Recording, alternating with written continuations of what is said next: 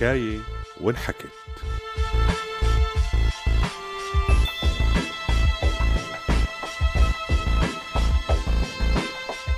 برنامج بيحكي قصص سورية.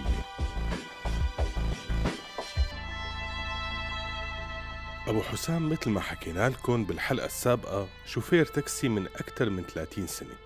زلمة مضى أكثر من نص عمره ورا هالدركسيون حافظ البلد وشوارعها وحافظ الناس وطباعهم وأمزجتهم وحافظ حكايات كتير.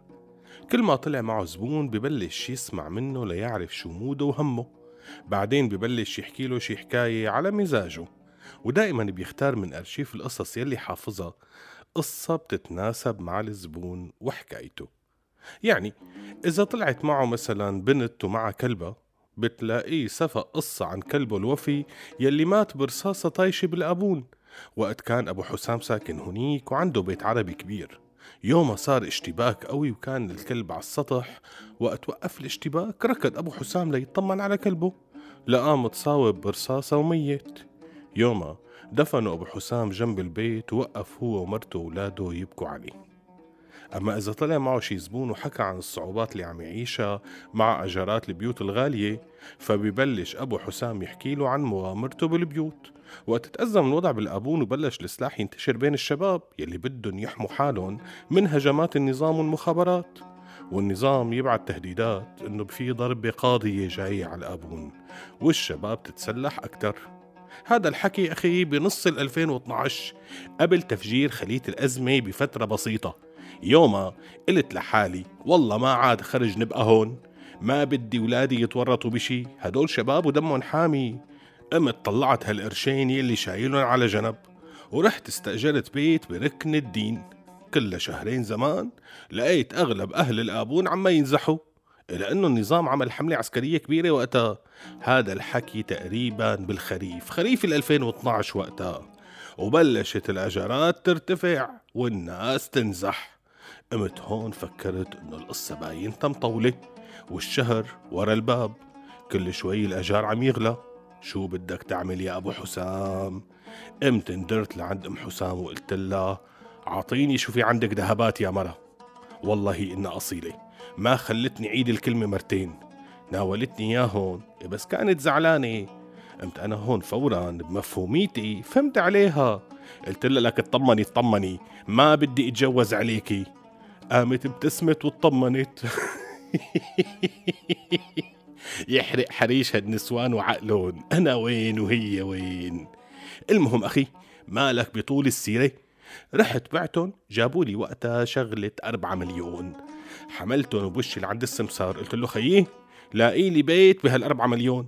عم ضحك السمسار وقال لي لك هدول ما بيجيبوا لك بيت هدول بيجيبوا لك خرابة.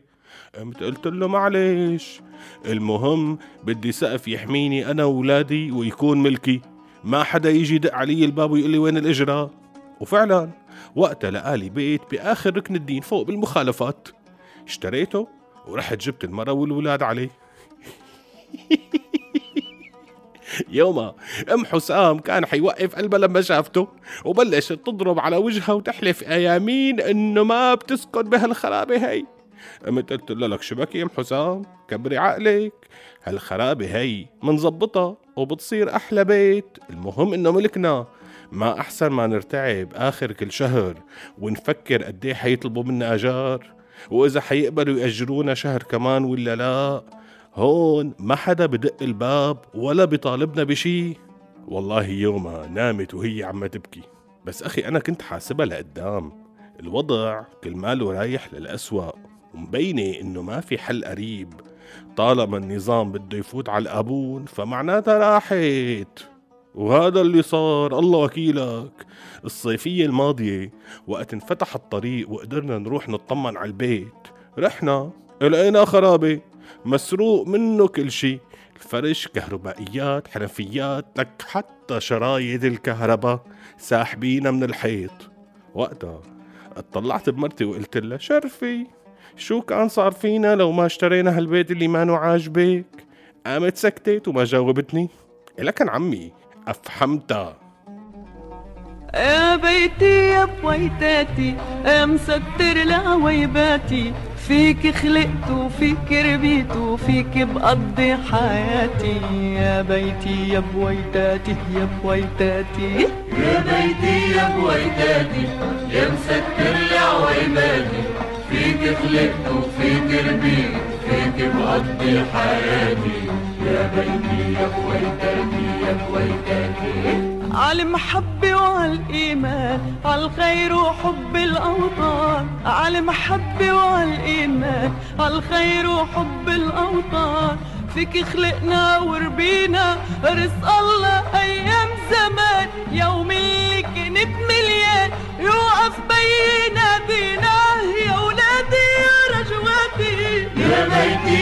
يا مسكر لي عويباتي فيك خلقت وفيك ربيت فيك بقضي حياتي ببداية 2018 وقت حميت القصة وولعت بالغوطة الشرقية والنظام أعلن إنه حينهي الموضوع وقت زاد الخطر والهاون صار عم ينزل من كل جهة. ومع هيك ما وقف أبو حسام شغل. بقي عم يسوق بهالشوارع وهو عم يقول للزباين لك عمي نحن شعب بنحب نعيش. تنزل قذيفة الهاون جنبنا بننفض ثيابنا ومنكمل طريقنا. لكن عمي بدنا نعيش. أبو حسام ما بيعتبر حاله طرف ولا صافف مع أي طرف. هو زلمة هلكته الحياة وداير على شغله ولقمة ولاده. مضطر إنه يجامل كل الحواجز يلي بمر عليها وكتير أوقات بياخد عساكر من الحاجز لمحطة الباص بدون مصاري مشان ما يتحططوا عليه وقت يمر من عندهم مرة تانية. بس كمان عنده من هدول العساكر شوية زباين محرزين مثل العسكري تبع الفرقة الرابعة اللي بوقف عند يعفور على طريق بيروت. هذا العسكري بيوصلوا أبو حسام كل يوم على مناوبته وبيرجع بياخده. ومع الوقت حس العسكري بالأمان مع أبو حسام وقدم له باكيت مالبورو أحمر هدية. باكيت المالبورو هو العملة الصعبة الخاصة بالحواجز يلي صاروا شوفيرية التكاسي يلي بيشتغلوا على خط بيروت الشام حافظينها إذا بدك تمر بسرعة وما تتفتش ولا تتنزل الشناتي لازم توزع باكيتات دخان على الشباب. أوقات ممكن ما يمرقوا لك السيارة إذا عاندت وما دفعت باكيت المالبورو الأحمر المهرب يلي حقه حوالي 1500 ليرة. يا سيدي يا أبو حسام مرة جرب واحد من الشوفيرية قال يعمل شاطر وعطانا مالبورو صيني مفكرنا ما رح نعرف الفرق.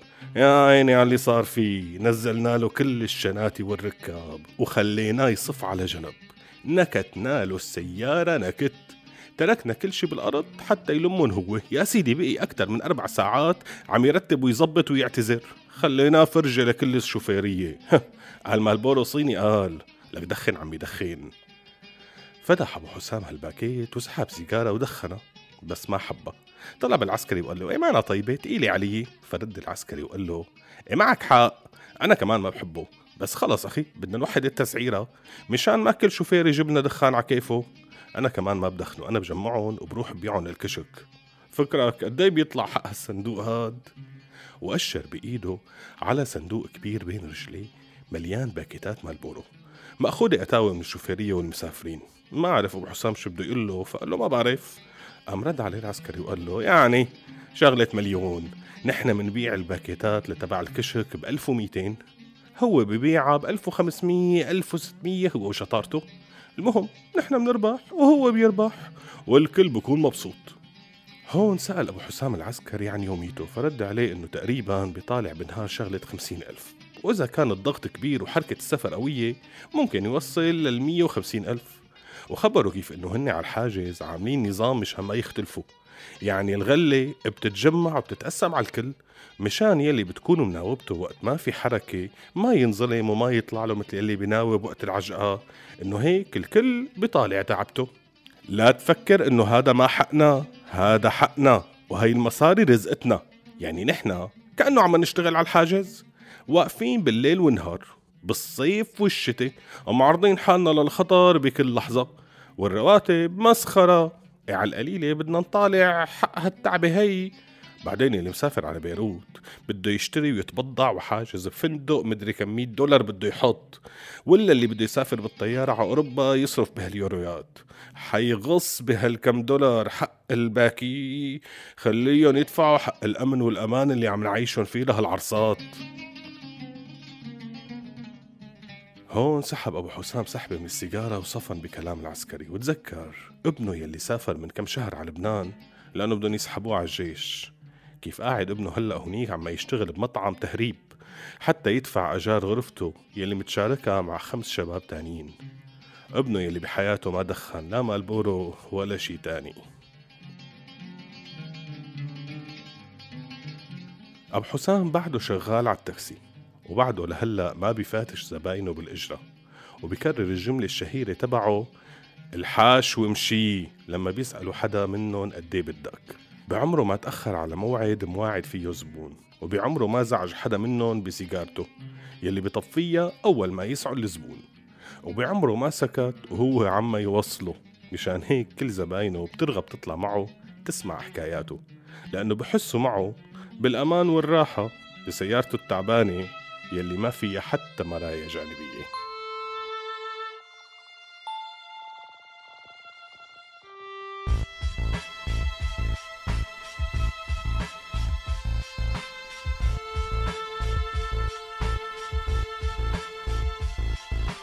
هذا البرنامج بالتعاون بين راديو سوريالي وموقع سوريا حكاية ما انحكت.